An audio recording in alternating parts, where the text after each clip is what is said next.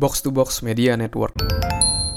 Hai, saya Andreas Bordes, dan pada podcast kali ini saya akan share something yang berbeda, format yang berbeda dari sebelumnya. Jadi kalau sebelumnya saya monolog gitu ya, dan dari survei yang waktu itu sempat saya tanyakan ke pendengar podcast saya, ada salah satu masukan yang menarik untuk saya bisa juga menginterview orang-orang yang sukses untuk kita bisa belajar dari mereka. Nah, jadi beberapa waktu lalu saya sempat melakukan IG live dengan teman saya yaitu Richard Putra dan di situ kita ngobrolin tuh perjalanan Putra yang dulu merupakan seorang introvert, dia malu jualan, gagal jualan, banyak ditolak gitu ya.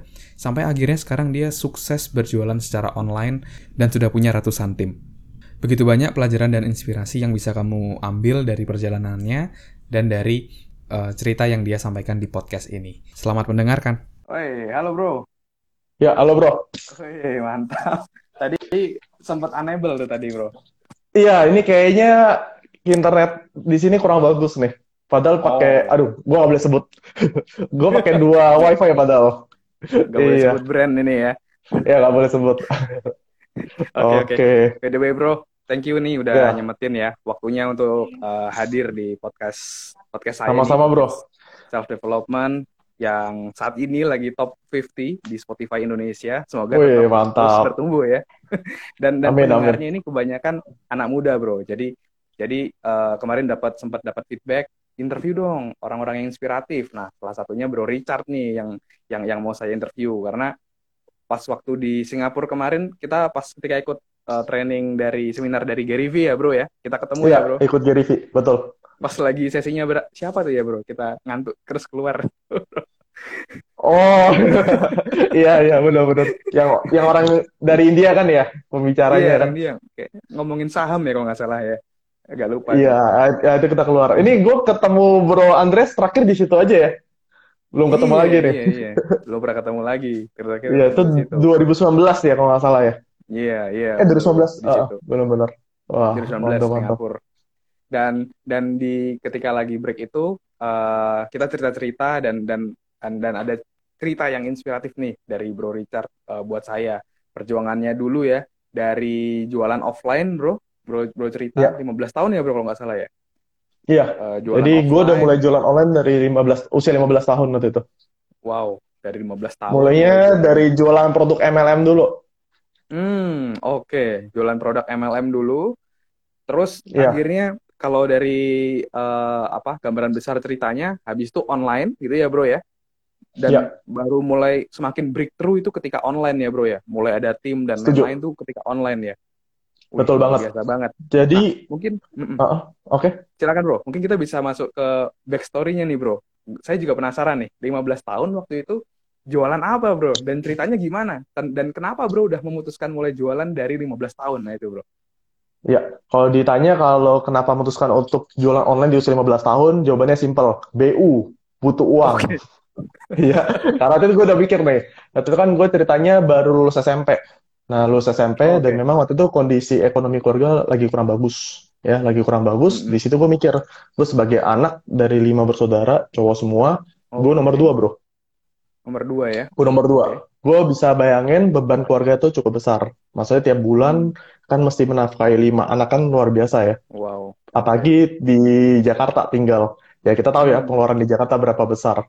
Nah di situ gue yeah. mulai mikir nih, kalau gue kayak gini-gini terus, cuma bergantung sama orang tua, sampai kapan gue mandiri sampai kapan gue jadi orang dewasa gitu belum nanti kalau ke depannya nih kita sebagai pria ya bro kita yes. tuh kalau sebagai pria kan minimal ya minimal banget kalau di Jakarta harus punya rumah ya yes. nikah merit punya rumah berkeluarga itu kan butuh biaya semua hmm. ya nah kalau kita cuma segini-gini aja ya kita nggak bakalan bisa maju gitu nah di situ hmm. karena waktu gue nggak punya modal ya jadi waktu itu gue uh, beruntungnya gue gue tuh dari dulu punya mindset harus mulai bisnis ya walaupun nggak punya modal oke udah mindsetnya ya. itu ya dulu ya Iya, jadi waktu itu gue okay. emang nggak mau kerja sama orang, jadi gue mulai bisnis. Hmm.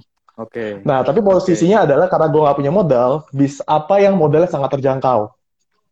Oke, okay. Yang tanpa Udah perlu pasti, produk kita berarti ya? Iya, kalau kalau kita bicara bisnis kan kita bicara harus harus ada operasional, ada karyawan, terus kita mesti stok produk.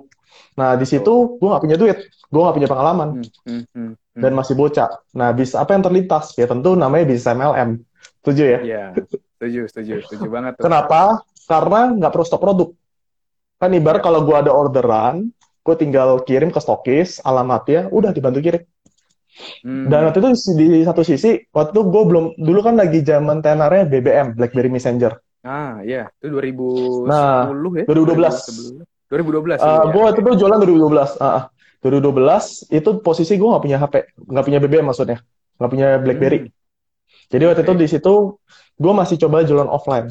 Nah jualan offline gimana? Pasti tawarin ke teman-teman terdekat, ya, baik yeah, dari teman-teman yeah. sekolah yang yang nggak punya duit, ya yang kerja main warnet terus, yang ada gue dikata-katain, sampai gue tuh jualan pembalut bro. Oh wow. Iya. jadi, jadi bro pas uh, apa tuh SMP berarti ya? SMP kelas 3 baru lulus. SMP kelas 3 berarti bro jualan pembalut ya? Ya, itu pembalut multi level. Ya, Wah, luar pembalut biasa, anion tuh. Ya, nah, itu gue jualin ke teman-teman gerejanya nyokap gue. Okay. dan dan coba tebak. Ya, pas gue ingat banget tuh, gue malam-malam habis hmm. kelar ibadah, gue gue dulu pemalu banget bro. Dulu gue pemalu, minder, hmm. introvert. Introvert banget. Jadi waktu ya? itu gue jualan gara-gara terpaksa.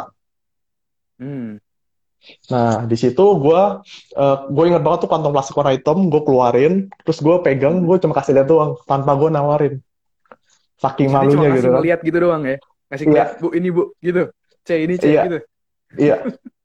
terus yang ada, ditanya, bro. ini apa? Baru dijawab. Gitu. Iya, ini ada. Uh, tapi mereka nggak nanya, mereka ketawa, bro. oh. mereka terus? ketawa semua, terus ya ujung-ujung gak ada yang beli. Akhirnya yang beli yang nyokap gue sendiri itu ya. sih kalau ikut dulu. Ya. Akhirnya. Iya kasihan bro, makanya dia beli. Iya, dan di situ waktu itu gue masih uh, untungnya kan kalau di bisnis multi level ada namanya upline ya. Ya. Nah, kayak leader ya. Atas nah, dia tuh yang ngebimbing gue. Iya. Hmm, hmm. Memotivasi, terus gue ikut pertemuan, ya lama-lama mental terasa dong. Mental terasa, ya, mental terasa, tapi di situ gue stagnan. Tiga bulan gue gak ada penjualan. Oh, Akhirnya, uh, karena ini bro, nggak punya skill sama sekali. Hmm. Jualan offline-nya kayak gitu, nggak ngerti hmm. benefit produk, asal-asal kasih lihat produk. Hmm, Benar nggak? Push gitu ya, langsung nggak tahu ini jual apa, hajar aja iya. gitu ya. Iya, modal gue tuh cuma ngotot. Apa pun okay. yang mau gue lakuin di bisnis, apa pun ya, hal apa pun, hmm. gue harus ngotot dulu. Nanti hasil belakangan, hmm. yang penting udah mulai dulu. Yang penting hajar gitu. aja dulu ya. Yang penting hajar dulu. Hmm. Nah, di situ nanti gue belajar. Nah, beruntungnya saat itu, uh, upline gue, ya gue sebenarnya mentor lah ya. ya. Itu udah jualan online di Twitter. Penjualannya oh, kenceng. Okay. Hmm, ya, penjualan kenceng banget. ya. Mm-hmm. Iya, di situ gue dibilang, cat mesti beli BB. Nah, hmm. karena waktu hmm. belum ada duit, ya udah gue nabung dulu. Dari uang jajan gue kumpulin kurang lebih tiga bulan kebeli tuh yeah. BB Area CDMA. Gue ingat banget itu harganya gue beli delapan ratus ribu di TC Cempaka Mas. Hmm. Nah, oh. dari yeah, dari yeah. situ bro, dari situ kan kontak dari nol dong kontak dari nol yes. gue kumpul lagi yeah. modal modalnya gue kumpul lagi coba buat pet promote dulu pet promote Twitter hmm. murah masih lima puluh ribu seratus ribu rupiah hmm oke okay. Tapi dari situ momentum terjadi jadi dari gue coba jualan di BBM pakai hmm. pet promote di Twitter waktu itu penjualan langsung naik uh, eh, gue kan itu tiga bulan gak ada penjualan ya itu hmm. langsung di bulan ke delapannya itu gue capai omset per bulannya 50 juta Wow. Jadi ya, jadi, jadi bro siapin BBM untuk ngumpulin list database gitu ya. ya. Terus datengin trafficnya melalui Twitter gitu pet ya. Promote. Betul, pet promote di Twitter. Twitter. Pet, promote ya. ke siapa bro waktu itu? Masih ingat nggak bro? Kalau ditanya dulu, wah Gue agak Dulu, lupa. Gue malah inget nomor rekening ya tuh. Tigor Maurits tuh gue gue lupa nama akunnya apa. Tapi gue masih inget nomor rekeningnya tuh. Nama rekeningnya iya, Tigor yeah, Maurits. Yeah, yeah. Gak tau deh siapa tuh. Iya iya iya. Iya. Tapi dari, dari itu situ, dari situ langsung ini ya omsetnya berapa? 50 ya? 50 juta ya? Iya, 50 juta per bulan. Waktu itu gue langsung tembus. Uh, itu kan lagi ada reward ya, dapat motor gratis. Itu syaratnya tiap bulan mesti omset 40 juta. Sama tuh dia jalan ke Singapura, Malaysia. Nah itu pertama kalinya wow. gue bikin paspor. Gue pertama kalinya jalan-jalan ya hasil dari usaha sendiri gitu. Wow. Itu usia 16 tahun. Bro. Hmm. Kalau yang dapat rewardnya 2013. 2013 ya. Wow. Itu luar biasa banget sih, Bro. Itu itu itu masih jual yeah. produk yang sama seperti sebelumnya atau jual atau produk yang Uh, kalau sekarang udah beda. Sekarang udah beda. Kalau sekarang kan gue supplier kan. Jadi maksudnya gue udah ada brand sendiri, gue udah siapin produk hmm. sendiri, platform sendiri okay. gitu. Nah kalau yeah, dulu yeah. kan memang karena nggak ada modal sama sekali ya, gue mulai dari start dari mm -hmm. bisnis MLM. Mm -hmm. Tapi memang uh, pas gue mulai belajar online itu, itu yang bener-bener omset luar biasa naik. Tapi mm. itu mentok di tahun 2014 bro. Oke. Okay. Oh momen, -momen Twitter BBM itu udah menurun ya? BBM udah sama. Twitter. Iya. 2014 mungkin, tuh udah turun. Ah. gimana? Ini mungkin anak-anak milenial baru mungkin belum tahu nih BBM itu apa sih? BlackBerry Messenger. ya intinya cuma nih, ya. Iya, intinya di mungkin... BBM itu gue suka banget fiturnya bisa broadcast, broadcast chat ya, kan, betul. walaupun kontak cuma 2000 kontak bro. Kalau di BBM kan maksimal hmm. 2000 ya. Kalau di WhatsApp kan bisa banyak tuh. Punya 5 BBM kadang-kadang orang punya 5 BB gitu kan. Iya. Biar bisa database Tapi, banyak. Dulu gampang dapetin database bro di BBM. Ibaratnya dulu ya, tahun 2012 itu kita minta bantu broadcast aja banyak yang mau bantuin kita promosi hmm. jualan kita walaupun orang nggak kenal gitu. Hmm. Hmm, iya iya bener-bener sering tuh dapat kayak gitu ya bro. Iya, iya kalau bantu BC ya gitu ya. iya. Atau enggak kalau misalnya di akhirnya kalau BC nanti masuk surga atau apa gitu dah. Oh, enggak enggak, gua, okay. bukan gue yang waktu itu. Bukan ya, bukan ya. Oke. Okay. Nah, lanjut bro di 2014 kan mulai turun tuh bro nah itu ya. gimana bro mulai beradaptasi dengan perubahan itu bro nah jujur waktu itu 2014 itu penghasilan gue jatuh omset gue jatuh sampai hampir nyari satu juta rupiah wow. nah itu gue udah gue udah kaget ya. tuh oh ya turunnya drastis banget ibaratkan dulu misal uh, per bulannya itu rata-rata kurang lebih 8 sampai 10 juta gue dapat bersih dari jualan online hmm. nah tiba-tiba turun drastis tuh ke 1 juta kan berasa banget ya Iya. Walaupun usia tentu masih sekitar 17 tahun. 17 okay. tahun waktu itu. Nah, di situ gue mulai lihat ternyata orang udah nggak main Twitter. Oke. Okay. Ternyata pada pindah ke Instagram. Hmm, hmm. Nah, di situ gue mulai belajar lagi, bro. Di Instagram itu ternyata ilmunya beda lagi. Nah, di situ gue mulai belajar namanya copywriting. Hmm. Terus gue belajar namanya ada pet promote, ada endorse. Nah, itu gue belajar semuanya tuh dari A sampai Z di Instagram. Konten dulu gue nggak bisa buat. Konten dulu uh, bermodal nyomot terus gue masukin hmm. logo lah. Ya ibaratnya dulu sama sekali nggak bisa desain. Jadi benar-benar mulai dari nol. Tapi uh, itu momentum terjadi. Itu kan gue mulai belajar Instagram Februari 2014 hmm. bro belajar Februari 2015 di YouTube di Google atau belajar dari siapa mungkin bro? Uh, gue pertama udah mulai sadar nih bro, maksudnya kalau kita belajar ilmu gratisan di YouTube, ya ilmunya itu itu doang. Yes gue mulai belajar lah akhirnya dari buku dari seminar hmm. dari workshop gue ikutin bro yang katanya masta-masta yeah. jualan gue ikutin semua nah hmm. dari situ mulai gue udah kebentuk namanya skill jadi gue udah bisa mulai bikin copywriting yang bagus gue udah hmm. udah ngerti cara teknik-teknik jualan terus hmm. gue pelan-pelan kalau bicara pet promote endorse nah itu baru mulai sendiri karena dulu nggak ada uh, public figure toko bisnis yang ngajarin tentang endorse pet promote yang efektif gitu. Hmm, oke. Okay. Nah, jadi waktu itu itu dari keisengan sih. Waktu itu dari keisengan di mana waktu itu gue mulai pelan-pelan coba endorse. Oke. Okay. Endorse waktu itu untung masih murah, Bro. Dulu zaman 2014 tuh masih murah banget ibaratnya. Iya, iya. iya. Dan uh, ngasilin chat tuh banyak banget. Traffic tuh banyak banget. Ibaratnya nih lu ngendorse satu juta nih. Yang masuk chat ke lu tuh bisa seribu database-nya. Wow. Itu di Instagram bro 2014 ya? Di Instagram, di Instagram 2014. Itu gue ingat banget Desember. Mm, masih masih fit only ya dulu ya? Cuma bisa Iya, masih fit only. Fit kan, belum ada apa-apa ya dulu 2014. Iya. Dan itu cuma post foto doang. Ya? Hmm. Rame banget, rame banget. Itu gue baru ngerti, oh ternyata enak ya jualan di Instagram ya. Mm -hmm. Nah, mm -hmm. itu gue mulai momentum terjadi itu kurang lebih gue belajar Instagram kurang lebih 11 bulan. Oh, hampir setahun ya bro, cukup lama. Dari Februari, ya. iya, Februari ke Desember. Nah, Desember itu baru momentumnya terjadi. Itu gue hmm. uh, endorse, gue ingat banget tuh sekitar mendekati Natal, itu tanggal 22, hmm. 22 Desember seingat gue. Hmm. Itu gue mulai endorse. Malam-malamnya tuh seribu chat masuk bro. Dan oh, lu man. dan lu bayangin gue balas chat berhari-hari nggak tidur yeah, ibaratnya. Yeah. Ibarat tidur pun adalah ya. paling berapa jam doang. Iya subuh-subuh chat masuk tetap banyak gitu. Happy-nya luar biasa.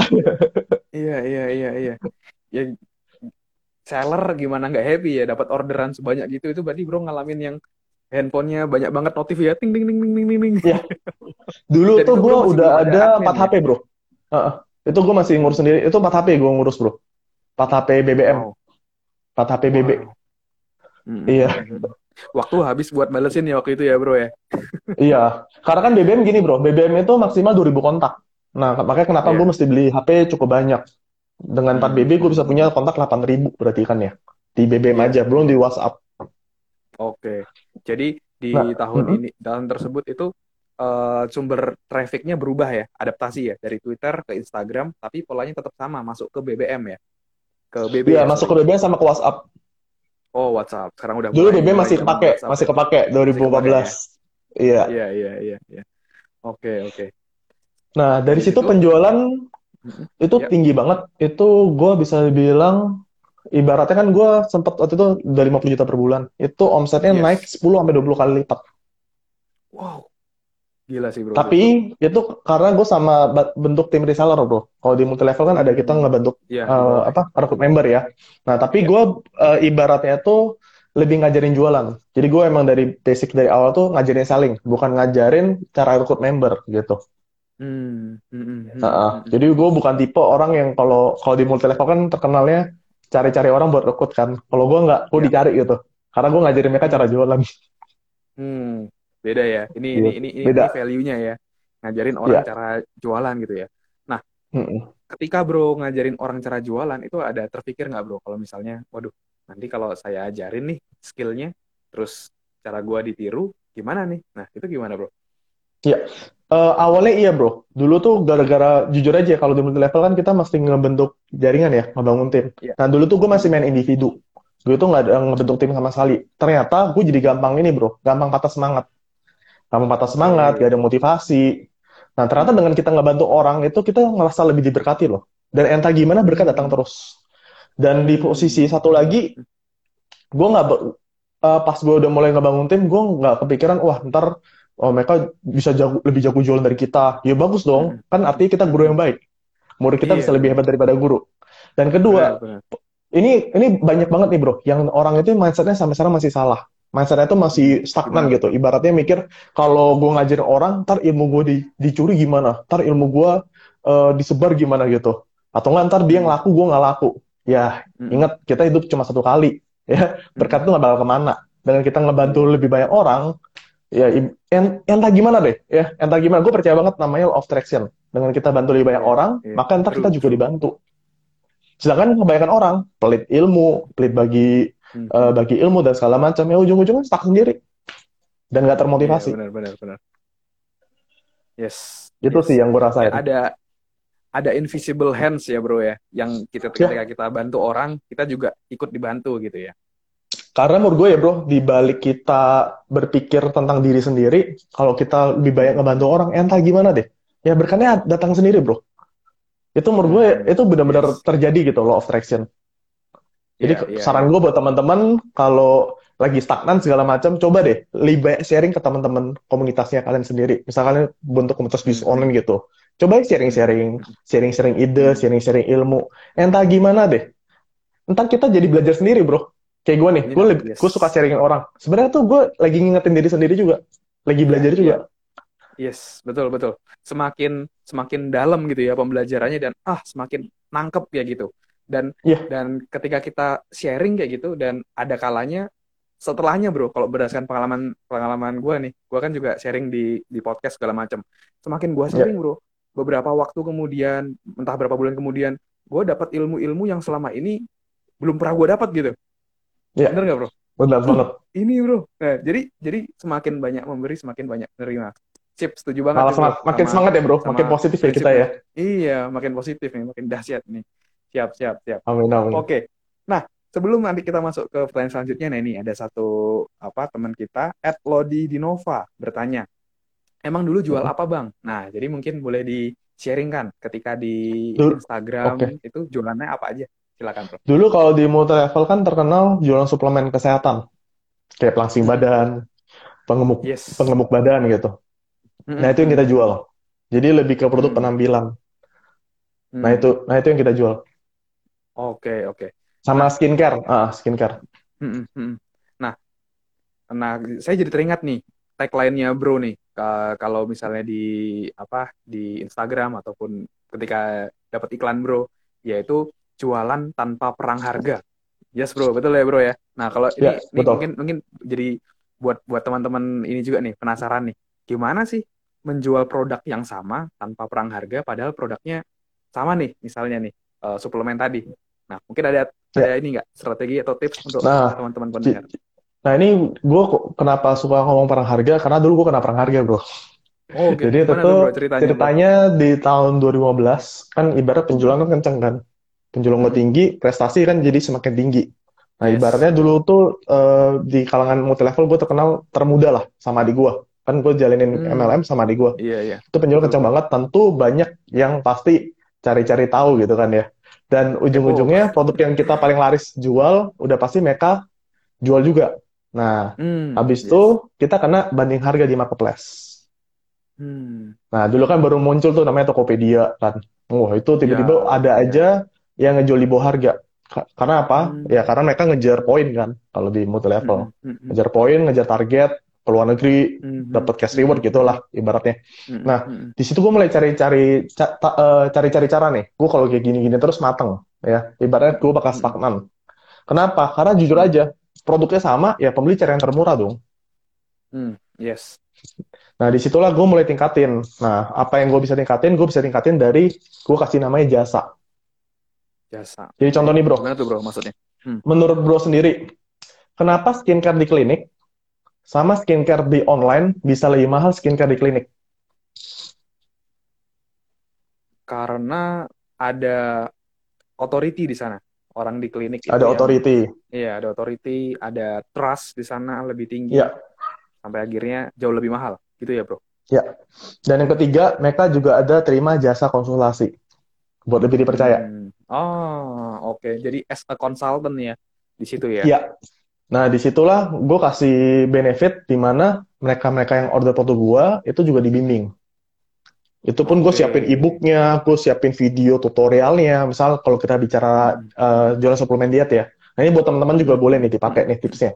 Teman-teman mungkin bisa kasih bonus e-book, bisa kasih bonus program diet, baik berupa hmm. video dan segala macam, okay. yang memang buatan teman-teman sendiri.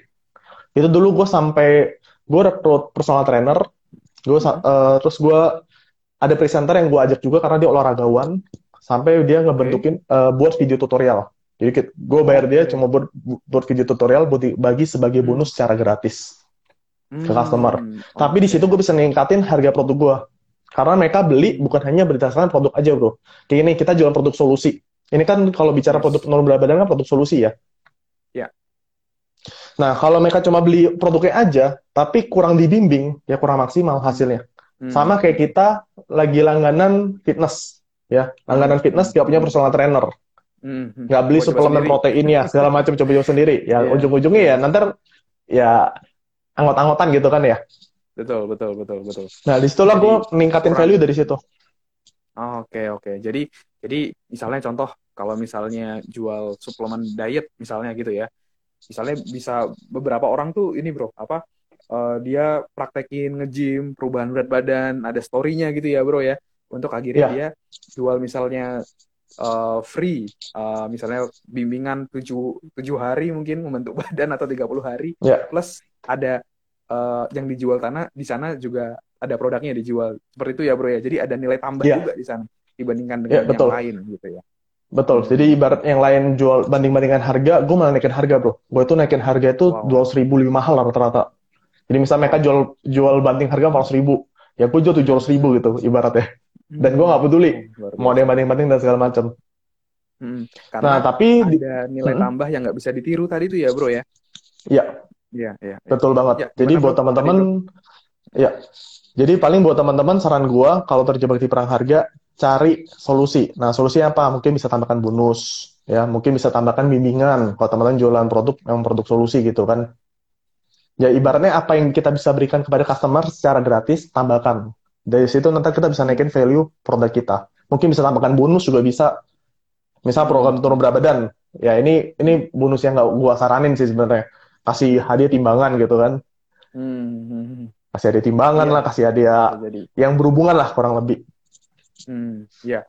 Jadi perlu ditanyakan ya, kalau misalnya sama semua, kenapa kok orang harus beli sama kita? Mungkin itu ya bro pertanyaannya ya. Ya. Nilai tambah setuju. apa yang bisa kita kita berikan gitu ya bro ya. Oke. Betul, nah, betul banget. Sebelum kita lanjut lagi nih ada satu pertanyaan nih dari uh, siapa tadi tuh yang bertanya. Bro Richard dulu sempat kuliah atau enggak sih? Nah itu pertanyaannya bro. Enggak kuliah. Enggak kuliah gue. Berarti nggak perlu ya bro ya? Maksudnya SM untuk untuk untuk bisa uh, apa menjadi seperti bro semuanya semuanya, semuanya bisa sebenarnya modalnya apa iya. bro Uh, jadi gini, jadi gue tuh SM, jadi ceritakan SMA kan ya, gue bener-bener udah hmm. maksimal kan, mulai bisnis. Nah di situ gue ngerasa maksudnya bicara sisi penghasilan segala macam ya jujur mungkin gue di atas teman-teman gue semua gitu. Di usia teman-teman gue lah ibaratnya yang ibarat mereka lagi main warnet ya, lagi asik ngegame, lagi asik jadi yeah. bucin gitu kan ya. aku nyari duit gitu. Jadi jujur yeah, aja waktu yeah. itu emang eh, nggak uh, kepikiran di situ karena emang gue dari awal udah fokus ngeba uh, ngebangun bisnis dan puji Tuhan hmm. bersyukur saat ini gue handle dua company ya dan okay. total karyawan sekarang 100. Wow. Dan itu ya, karya ya karyawannya rata-rata ya kuliah SMA, kuliah juga gitu. Wow, memberdayakan makin banyak orang dan dan ini juga 100 itu remote bro. Maksudnya di berbagai kota atau di Jakarta Enggak, semua bro? Di Jakarta. Di Jakarta semua. Di Jakarta ya? Oh, di Jakarta semua. Yang WFA pun kita di Jakarta. Hmm jadi memang memang memang carinya yang di Jakarta gitu ya. Untuk untuk timnya ada 100 yeah. wow ya itu ada ada tipsnya juga lah. Kenapa gue milih yeah, yang yeah. di iya. Jakarta gitu. Karena emang yeah. ada pengalaman juga rekrut tim di luar kota. Hmm oke okay, oke. okay uh, dari tadi apa namanya pengalaman di 2015 akhirnya tadi mulai mem, uh, pakai Instagram ya bro ya pakai ya. Instagram. Yeah. Nah uh, saat itu bro fokus pada satu produk atau beberapa produk. Nah kalau misalnya beberapa produk, apakah bro berarti handle beberapa akun Instagram untuk untuk jualan atau gimana? Nah ini tipsnya buat teman-teman, apalagi yang baru-baru mulai jualan online pertama kali, fokus dulu di satu produk. Nah, fokus, fokus dulu di satu produk, Kenapa? Karena produk yang lain udah pasti strategi beda lagi.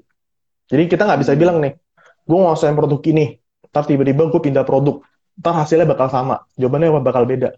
Karena kita hmm. punya target market sendiri di setiap produk. Yeah. Kan setiap produk yeah. itu pasti punya niche market yang berbeda-beda. Nah, nanti yes. di situ kita mesti belajar ulang. Jadi saran gue buat teman-teman yang saat ini baru mulai bisnis, ya, lagi nyari produk, fokus dulu satu produk. Hmm. Sampai hasilin. Misal, minimal teman-teman udah bisa ngerekut admin buat ngurusin penjualan.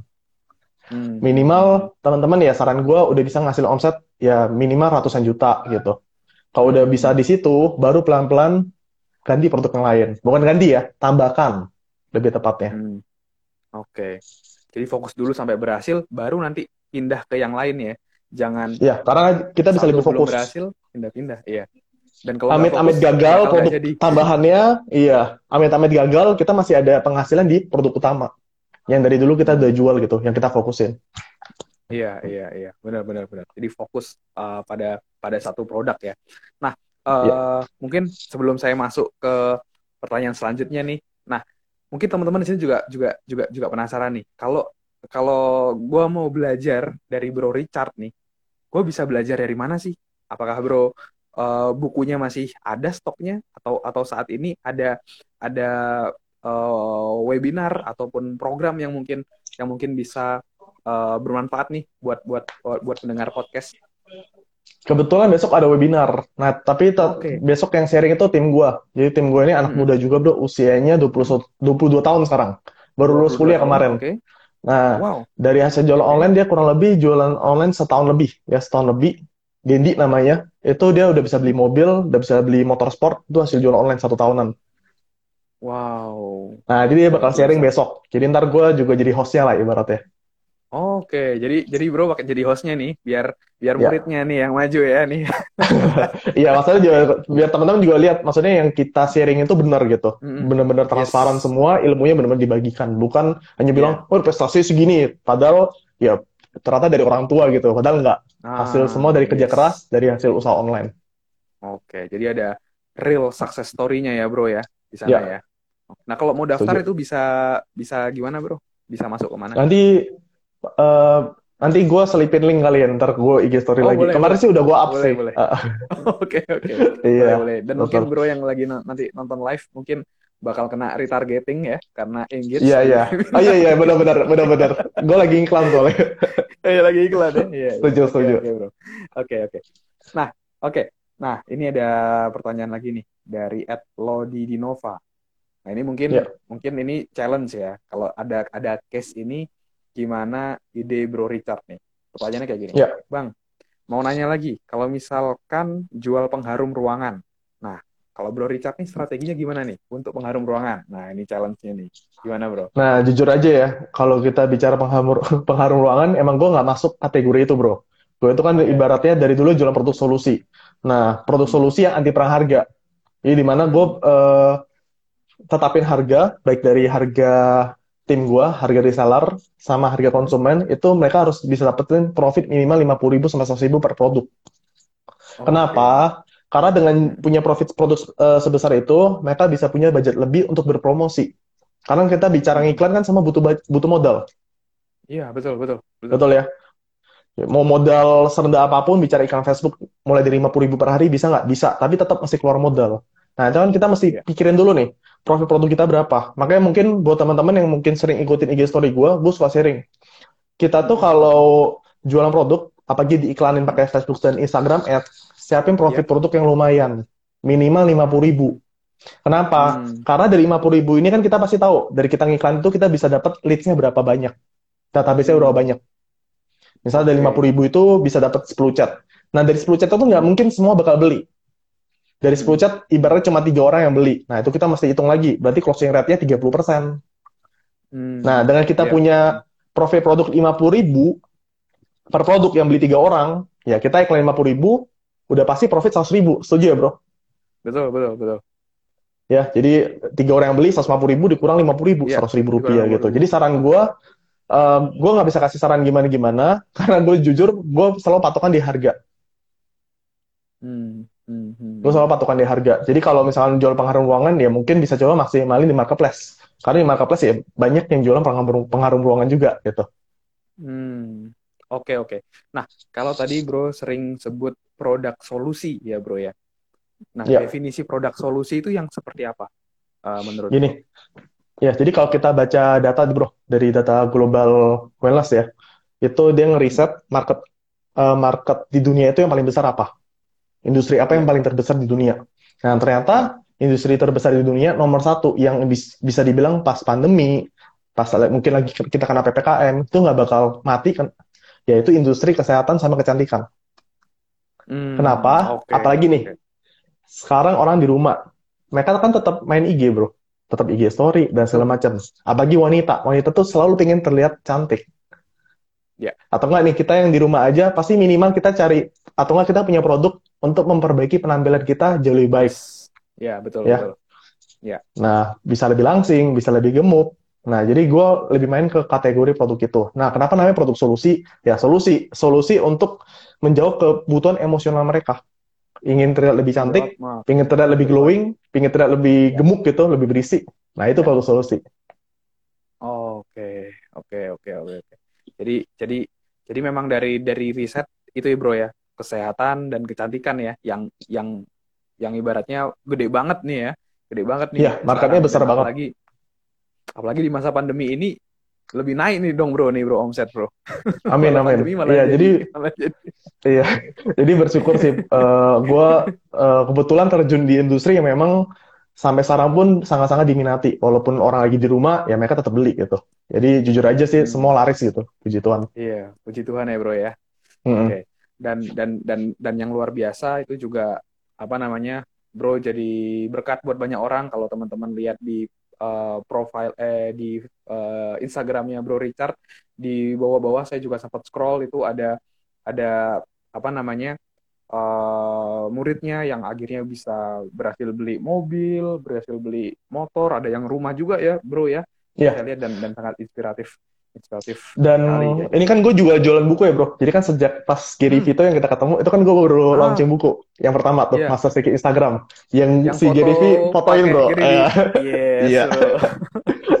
Dia humble banget sih. Gue, aduh, inspirator banget lah. Ya. Iya. iya. Bro sekarang itu, nulis buku apa aja sih bro? Gue buku Master Secret Instagram, itu saat ini udah kejual 14 ribu piece Terus wow. kedua, buku masa stiker Facebook dan Instagram Ads itu kemarin baru produksi terakhir lagi, berarti udah kejual sekitar 13 ribu, 13 ribu piece. Terakhir, masa secret, hypnowriting plus teknik closing. Nah, tapi di situ 100% profit kita donasiin. Jadi kalau teman-teman wow. mungkin cek aja di IG gue itu udah gue share tuh. Kalau kita donasi, itu kurang lebih udah donasi sekitar 300 yeah. juta rupiah. Ke panti asuhan yes. yatim piatu terutama. Waktu itu juga sempat di ini bro ya, kaki palsu ya bro ya? Iya, terakhir dulu, donasi dulu kaki palsu. Donasi kaki palsu itu Iya, tiga kaki nah, palsu. Mungkin ini mungkin ah ini nih. ya ini gue dikasih Wow. Uh, ya ini donasi, kemarin pas yes. donasi ya. Wow, luar biasa. Kayak piagam gitu kali. Ya. Semakin banyak uh. memberi, semakin banyak menerima. Nah, mungkin mungkin teman-teman juga penasaran nih, Bro. Nah, tadi kan diiklankan tapi uh, harus profit. Nah, sedangkan Bro ternyata ngiklankan terus justru didonasikan 100%. Nah, ya. gimana tuh bro? Berarti konsep bisnisnya mungkin ada beberapa yang wah nggak Jadi gini, akal nih. Ini kalau teman-teman belajar sales funnel, kan kita belajar ada ya. namanya ya. lead magnet, ya. Yes. Ada pertama kan lead magnet dulu nih bro. Lead magnet ya, kan biasa betul. sesuatu yang gratis. Nah, baru yes. kedua itu ada tripwire, terus ketiga itu core offer. Nah, bicara, ya. bicara buku, menurut gua buku itu lead magnet gua yang gua bagian secara hmm. gratis. Ibaratnya hmm profit penjualan, biaya iklan kan nanti semua tertutupin dari situ. Nah, benefit yes. lebihnya adalah gue dapetin namanya database. Nah, jadi yang paling penting kalau kita bicara bisnis online, teman-teman, aset terbesar di bisnis online itu semua database. Mm -hmm. Nah, jadilah, jadi kenapa gue mungkin bagi-bagi buku gratis segala macam, ya, gue juga dapat benefit. Benefit lebihnya adalah gue bisa dapat lebih banyak followers, lebih banyak database dari apa yang gue iklanin gitu. Hmm, iya. Yeah. Tanpa list, dari situ uh, sulit ya bro ya, harus ada betul. list ya. Dan Iya, dan dari situ pasti teman-teman lebih kenal gue dong. Pasti lebih, lebih yeah. kepoin gue, ih siapa sih si Richard ini? Dan teman-teman pasti bakal cari tahu dan segala macam. Yes. Nah, di situlah gue mulai ngebuka, kan gue ada platform bisnis online anti perang harga yang namanya Master Community. Itu pun sekaligus komunitas ya. Jadi teman-teman yang mungkin saat ini kendalanya nggak punya produk buat dijual, apalagi yang udah kena perang harga, terus nggak punya strategi jualan yang tepat, bahkan konten promosi kita siapin bro. Jadi gue udah, hmm. udah ada tim konten, tim desain yang memang setiap hari itu upload di Telegram grup. Sama di kita ada aplikasi sekarang ya, ada aplikasi sama website. Jadi buat teman-teman yang saat ini mau jualan online tapi kendala nggak bisa bikin konten, ya hmm. capek ngedesain segala macam. Hmm. Bahkan gue siapin konten endorsan. Jadi gue hmm. kita tentu endorsin produk kita ke dokter, influencer, artis-artis hmm. Indonesia. Teman-teman tinggal upload aja. Hmm. Landing page-nya pun kita siapin gitu kan ibarat ya. Waduh, Karena gue tahu itu kendala ya, bro, ya? newbie bro. Itu kendala newbie yeah, bro. Yeah. Gue dulu juga kayak gitu. Mesti belajar dari A sampai Z. Dan dari situ gue mikir-mikir, hmm. kita tuh kalau bicara bisnis, bicara bisnis online, kalau kita terlalu banyak mikirin teknis, yang dalam arti, menurut gue ya, terlalu ngehabisin waktu, kenapa kita nggak fokus jualan aja? Jadi hmm. uh, tim-tim yang gabung di Master Community, ya semuanya udah disiapin, tinggal jualan aja gitu. Tinggal belajar strateginya, tapi nggak perlu ribet, bikin desain dan segala macam. Hmm selanjutnya tinggal ditambah kreativitasnya ya apa yang membedakan dia sama yang lain ya. Itu itu yeah. itu itu juga juga penting. Jadi jadi bukan berarti udah disediakan sudah pasti juga oh iya. belum tentu ya. Kalau misalnya dia sendiri nggak mau usaha kreatif ya agak agak sulit juga seperti itu ya. Iya. Oh. ini kita bicara lagi. Kan banyak teman-teman yang saat ini pingin jualan online. Udah disiapin semua nih. Udah dimanjain ibaratnya. Mm -hmm. tapi diri sendiri masih terjebak di zona nyaman zona kebucinan. Ya ujung-ujung nggak bakal jalan gitu. Ya mau kita mau disiapin semua itu kita nggak nggak action ya ujung-ujungnya ya nggak bakal sukses gitu kalau orang bilang. Iya iya. Jadi harus move up ya. Uh, yang yang pasti harus move dari zona kebucinan itu ya bro ya. Waduh. Iya iya. Iya karena anak muda tantangannya seperti itu bro. kepo ya. Harus pakai untuk iya. produktif ya. Oke okay. setuju. Bukan buat okay. kepoin mantan ya. Waduh. Ini kayaknya pengalaman bro Waduh. Bahaya okay. ini. Nah, ya. kita uh, dia ada pertanyaan lagi nih dari Ed Krishna Ed Dwi P. Ini teman-teman kalau ada pertanyaan juga boleh tulis di kolom komen ya. Kok ya. bagi tips agar brand kita banyak dikenal orang. Nah, jadi menurut uh, Bro Richard, apakah kita perlu nih building brand dulu, building authority dulu, kayak bagi-bagi konten value dulu baru jualan atau nggak masalah sebenarnya kita langsung uh, selling something, langsung ngasih funnel tadi. Kalau dari yeah. Ya. uh, Bro Richard gimana menurut Bro? Uh, jadi gini, balik lagi ya teman-teman ya, bedakan akun personal branding dengan akun online shop. Kalau akun personal branding, udah pasti kita dituntut untuk sharing-sharing dulu, baru jualan. Mm -hmm. Itu kalau akun personal branding. Karena kan kita hmm. mesti orang kan pasti kenal kita dong. Siapa sih lu segala macam. Authority kan ntar dicari tahu dulu nih. Nah kan kita mesti ngebangun yeah. authority kita dulu nih. Kita kasih sharing-sharing konten yang menginspirasi, yang mengedukasi mereka semua. Dan mereka merasa bermanfaat. Hmm. Hmm. Nah tapi kalau kita bicara jualan dengan akun online shop, menurut gue ya bro, dari pengalaman dari pengalaman uh, sekitar berapa tahun ya? Gue dari 2012, ini udah 2021. 9 tahun jualan. Hmm, hmm. Jualan aja langsung Hmm. Karena kenapa? Mereka itu pingin kenal produk kita. Iya. Uh, konten-konten yang maksudnya boleh upload-upload konten edukasi. Tapi kan ujung-ujungnya customer secara langsung melihat produk kita. Apa yang kita tawarkan, apa yang kita jual, dan apa sih benefitnya untuk mereka. Big why-nya apa, kenapa mereka harus beli produk kita. Kan kita masih kenalin, bukan dengan kita edukasi. Misal, kita edukasi tips menghasilkan badan. Nah, hmm. kalau mereka cuma baca tips-tips itu, semua banyak tuh di Google. Di YouTube juga banyak. Yes. Nah, kalau kita bicara online shop, kita tuh harus memperkenalkan apa sih itu produk kita, keunggulannya apa, big why-nya kenapa, kenapa mereka harus beli produk kita, kenapa nggak beli produk orang lain gitu, kenapa harus sama kita. Nah itu kita masih tonjolin. Jadi buat hmm. uh, saran gue buat teman-teman, kalau kita bicara buat toko online, apalagi di Instagram, buat rakyat di toko offline, yang ibaratnya itu, kalau ya kita sama ya bro, kita kalau lihat toko kurang bagus, nggak menarik, kita mau masuk nggak? Mau kunjungin nggak? Kurang Nah, tertarik. Kurang tertarik. Nah, kalau di toko offline kan kita mesti perbaikin, mungkin etalase tokonya bagus, yeah. mungkin uh, yeah. luar dalamnya diperbagusin gitu kan. Hmm. Nah, tapi kan kalau kita bicara Instagram kan simple. Hmm. Yang penting desain kita bagus, ya kita upload feeds dulu, kenalin produk kita di highlight, cantumin bio kita, terus cantumin big why kenapa orang harus beli produk kita. Nah, ujung-ujungnya ntar mereka bakal nanya sendiri. Sambil kita saran gue ya, buat teman-teman yang baru mulai jualan online terutama di Instagram mulai ngebangun followers mulai ngebangun followers. Mulai ngebangun followers. Jadi pertama buat konten dulu. Kedua itu mulai membangun followers. Nah ngebangun followers itu gimana? Nah ngebangun followers ini ada cara organik ataupun cara berbayar. Ada juga cara yang bisa dibilang yang menurut gue itu cara cepat gitu. Gimana tuh bro? Cara cepatnya udah pasti ya. Kalau teman-teman yang udah jualan online nggak perlu inilah nggak perlu ih uh, masa pakai cara itu masa pakai cara itu. Ya simpel. Karena salah itu orang menilai seseorang dari followers. Hmm, apalagi toko, oh, okay. apalagi iya, produk. Iya, iya. Setuju ya? Iya. Kan sekarang banyak caranya ya. Jumlahnya. Iya, iya. iya, kan cara banyak lah cara buat nambah followers. Iya, itu nggak perlu iya. perlu dijawab gitu kan ya. Sambil teman-teman ngebangun uh, interaksi secara organik. Baik dari follow hmm. unfollow, dari baik dari nge-DM, baik dari balasin komen, dan kita bisa menggunakan cara beriklan, berpromosi. Kayak nih, misal teman-teman endorse pet promote, iklan Facebook, IG Ads, itu pasti kan ngedatangin followers juga pasti ada yang follow kita dari apa yang kita iklanin, hmm. apa yang kita promosiin. Iya, yeah.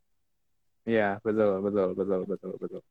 Iya, jadi itu. Jadi jadi ya jangan sampai uh, mubazir ya, bikin-bikin konten branding tapi apa nih yang dijual nih ya? Karena yeah. at the end of the day, at the end of the day kalau kita mau semakin dikenal banyak orang, produk kita semakin banyak digunakan banyak orang kan butuh iklan juga nih. Nah, itu kan butuh yeah. duit juga tuh ya, semakin banyak. Betul. harus harus harus diperhatikan juga hal tersebut ya. Nah, benar, saya penasaran benar nih, Bro. Saya penasaran nih, Bro.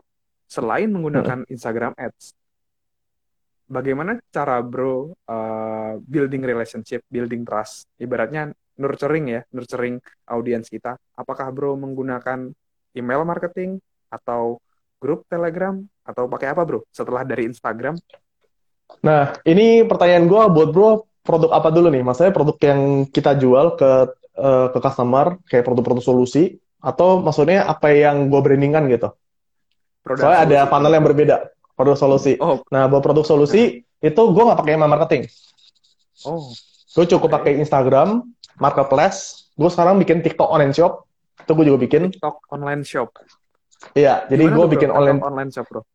Uh, jadi sebenarnya simpel bro. Kalau gue lihat di TikTok itu kan ibarat konten-kontennya kan gampang viral, ya, engagement yes, tinggi. Yeah. Di FYP biasanya ya, istilahnya. Ya. Iya. Dan ternyata uh, setelah gue sadarin banyak orang beli dari TikTok juga. Hmm. Nah, okay. kalau bicara TikTok, ini juga bicara ujung-ujungnya konten. Walaupun lebih ribet, karena kan semua harus video. Yes. Nah, yeah. kalau kita bicara apa solusi, ya kita tinggal cari. Tahu, pengen emosional orang, uh, kita bikinin konten di TikTok. Mm -hmm. Nah, ujung-ujungnya pas mereka nonton, itu kan kita ada produk kita di situ selip. Pasti ntar mereka nanya, itu produk apa, Kak? Sambil kita hmm. ntar ngejawab-ngejawabin pertanyaan mereka di TikTok. Nah, itu TikTok online shop. Hmm. Itu gue lagi bikin. Oh, oke, okay, oke. Okay. Uh, sekarang sudah ada atau masih? Uh, sudah ada, maksudnya uh, eh, gue lagi nyari cara buat sharingnya ke tim gue gitu. Maksudnya dalam arti kalau oh, memang udah benar-benar ngasilin, kita bisa baru sharing. Oke, oh, oke. Okay, okay. Jadi Karena jujur teknis TikTok agak lebih ribet. Hmm, apanya tuh bro yang lebih ribet? Karena gini, kalau kita bicara konten di Instagram, semua kan bisa ambil. Misal dari kita, kita udah siapin konten-kontennya. Nah, kalau kita bicara di TikTok kan memang lebih efektif kita tuh tag konten sendiri, bro. Hmm. Bikin konten sendiri. Iya. Bukan, misal nih, semua tim gua pakai konten yang sama buat diupload. Ntar iya. nggak ngefek. Engagementnya nggak ada di TikTok. Itu mereka mesti bikin konten sendiri. Hmm. hmm. Gitu. Iya, iya. Itu funnel yang pertama. Tadi ada funnel kedua ya, bro ya? Mm -mm. Kalau funnel kedua apa tuh tadi, bro? Mungkin yang bro mau share. Uh, tadi ya. Tadi kan Instagram, Marketplace, mm -hmm. terus di TikTok. Nah, buat kenalin ke orang, intinya sih simpel ya. Teman-teman udah siapin kontennya semua, baik dari feeds, baik dari highlight, dan teman-teman juga bisa mulai untuk promosi. Nah, promosi ini bagian dari branding, bro. Jadi kan tadi ada yang nanya tuh, mm-hmm. gimana cara ngomong branding? Simpel, promosiin dulu. Nah, jujur di awal-awal kalau kita bicara udah punya brand sendiri ya, kita sebagai brand owner, tujuan kita tuh harus bikin produk kita tuh terkenal. Produk kita tuh dilihat banyak orang. Nah, cara paling hmm. simpel adalah netizen Indonesia ataupun di luar negeri itu semua sama, Bro. Masih mengandalkan hmm. endorsement agar orang trust sama produk mereka.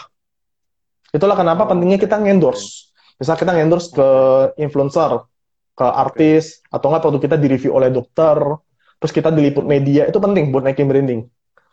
Jadi kalau kita sebagai brand owner tantangannya lebih tinggi di situ. Hmm. Oke. Okay. Produk kita harus semakin dikenal. Karena nanti kalau udah terkenal enak bro. Kan menurut gue ya, menurut gue pribadi, ketika kita endorse dan mungkin teman-teman bilang, ih endorse kok bikin boncos ya segala macam. Ya kalau tahu caranya nggak mungkin boncos. Yang ada malah untung berkali-kali lipat. Karena dulu gue juga endorse dari dulu. Hmm. Hmm. Cuma balik lagi, menurut gue endorse itu kita kan dapetin konten dari sang yes. influencer. Dan menurut gue itu adalah aset digital. Hmm. Yeah, aset yeah. digital yang kita bisa pakai kapan pun gitu. Jadi misal customer yeah. nih, mereka ngeliatin di feeds kita, ngeliatin highlight kita. Oh, produk ini udah direview oleh misalkan Jessica Iskandar, mm-hmm. Sandra Dewi. Lebih itu kan lebih terpercaya. Ya, lebih trust. Misal jadi Corbusier, wah lebih keren lagi itu. Lebih dipercaya yeah. lagi. Jadi menurut gua uh, konsep endorsement itu sangat-sangat penting dan masih sangat-sangat powerful sampai sekarang kita bisa lihat ya marketplace marketplace sekarang bahkan banyak brand yang udah mengandalkan artis Korea girl band, boy band gitu, semua yeah, di endorse. Yeah, yeah. Dan menurut gue itu bagus, bagus banget strateginya. Iya, bahkan brand besar aja endorse ya bro ya strateginya ya, untuk iya. bisa yeah. untuk bisa dia dapat authority, comes up, uh, dapat trust. Setuju. Menggunakan uh, strategi endorse tadi ya. Luar biasa. Karena influencer punya fanbase, bro. Kita kan produk kita nggak punya fanbase nih. Nah, kita harus ngandelin yeah, yeah. fanbase dari sang influencer. Itulah kenapa pentingnya hmm. endorse. Iya. Jadi, jadi jadi jadi bisa cari endorse dan dan dan mungkin di di apa di buku bro juga mungkin dijelaskan ya tentang cara memilih uh, endorse yeah. dan lain-lain mungkin strateginya di ada rumusnya okay. cara buat kontennya body upload itu juga ah. harus ada ada paham Okay. Misal pet promote nih, nggak bisa sembarangan kita kasih konten, habis itu ngarep ada penjualan, nggak, ada rumusnya semuanya. Hmm, hmm, hmm. Dan yang gue paling inget tuh bro, buku bro di endorse Raffi Ahmad, iya bro ya? Iya, iya. Waduh, itu luar biasa. Raffi Ahmad ya, sama itu. sama siapa tuh bro? Hotman Paris. Hotman Paris ya? Waduh, waduh, gua gua kagak berani nih nanya budgetnya berapa endorse mereka. Iya, iya. Intinya apa yang kita investasikan itu bakal balik lagi ke kita kok. Hmm, yang penting tahu ilmunya itu, Bro, ya. Nah, iya, gimana cara betul. tahu ilmunya ya berarti harus belajar. Nih, ini banyak banget komen nih tadi saya sempat scroll-scroll juga yang nanya belajar di mana, belajar di mana. Nah, teman-teman follow aja dulu at Richard Putra buat mendengar podcast saya, Self Development Podcast juga bisa follow Richard Putra ya dan di sana Richard Putra official. Uh, Richard Putra Official ya. Di sana kamu tungguin aja di story-nya juga sering tuh muncul-muncul kalau ada peluang-peluang langsung hajar aja di sana ya. Oke. Oke. Oke, Bro. Nah, uh, kita tinggal 9 menit lagi nih, Bro. Tinggal 9 menit lagi yeah. ya, Bro. Nah, mungkin uh, apa namanya? Kita uh, buat teman-teman yang mau belajar lebih lanjut nanti join aja di webinarnya. Nanti jadi mungkin setelah ini bro bisa Insta Story kali ya. oh iya. Yeah. Oke. Okay. Nanti pada penasaran. Jadi tungguin aja okay. di Insta Story-nya. Dan mungkin pertanyaan terakhir bro untuk di sesi yeah. malam ini yang ini yang luar biasa banget. Kalau misalnya di depan bro ada anak muda usia 18 tahun deh ya. Kayak yeah. kayak kayak bro ketemu bro yang masih muda Nah, ya. nasihat-nasihat apa yang bisa Bro kasih, petuah-petuah apa yang bisa Bro kasih agar agar anak muda 18 tahun tadi bisa sukses di dunia jualan online seperti Bro. Apa Bro? Mungkin ada tiga ya. tiga kiat lah yang boleh Bro kasih. Wah, sebenarnya kalau buat anak muda intinya simpel sih Bro. Kalau gue pribadi ya, ini gue sering ngomong juga nih uh, hmm. ke followers. Intinya simpel, setia dulu pada perkara kecil. Oke sebelum kita dipercayakan kepada perkara yang lebih besar. Kenapa? Karena pas kita mulai bisnis pertama kali, udah pasti susah, udah pasti banyak gagal ya. Nah kan kebanyakan anak muda zaman sekarang pengennya instan loh, pengennya hmm. hasilnya cepet gitu. Ibaratnya, okay. nah apalagi yang udah punya modal ya, yang udah punya modal kan, yang penting gue naruh berapa, langsung dapet duitnya banyak gitu. Nah itu kan kita terlalu ibaratnya terlalu beriming-iming di dalam pikiran kita. Padahal ekspektasi dan realita sering kali berbeda. Nah, begitu juga dengan bisnis, bro menurut gue ya, anak muda ketika mereka setia sama perkara kecil, misalnya ngurusin pengiriman, ngurusin orderan, balesin chat customer, ngurusin konten, itu kan menurut hmm. yang dalam arti ke depannya kan pasti ntar tergantikan. Bisa kita bisa bangun tim yang dalam arti ngurusin semua hal, hal seperti itu. Tapi menurut gue saran gue buat anak-anak muda yang mulai bisnis, mulai semuanya dulu. Hmm. Lakuin semuanya dulu aja. Jadi admin, jadi CS, ngantuk customer, hmm.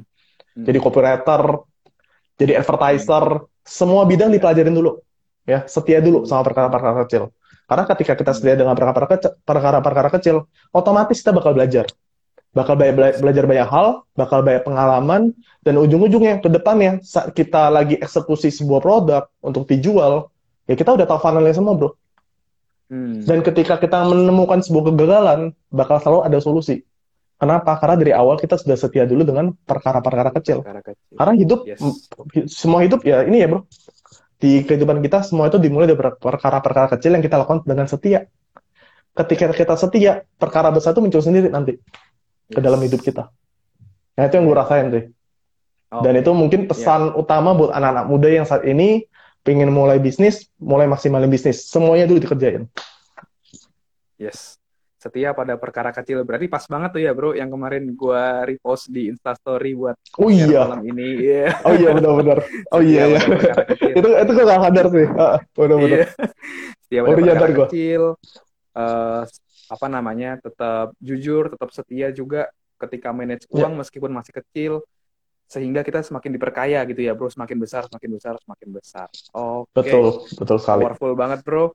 Dan Semoga podcast kali ini, uh, eh, IG Live kali ini bisa bermanfaat nih buat para uh, yang join IG Live saat ini dan buat pendengar podcast self development juga semoga bisa jadi inspirasi dan teman-teman juga bisa follow at Richard Putra Official ya bro ya. Ya betul bro. Richard at Richard Putra Official buat teman-teman bisa uh, tahu lebih detail uh, tentang Bro Richard. Terus kalau tadi nanya webinar di mana, belajarnya di mana. Nah, silakan follow dulu silakan pelajari dulu konten-konten yang ada di feed-nya gitu ya dan jangan lupa klik link yang ada di bio gitu ya karena biasanya ada ya, siap. special offer di sana. Oke? Okay? Betul. Mungkin itu dulu, Bro. Malam ini, Bro. Siap. Uh, Thank you juga nih, Bro Andreas. Ya, udah invite ke podcastnya. Siap. Sukses terus. Thank you banget, Bro Richard, atas... Semakin inspirasi banyak orang ya. Siap, siap, siap.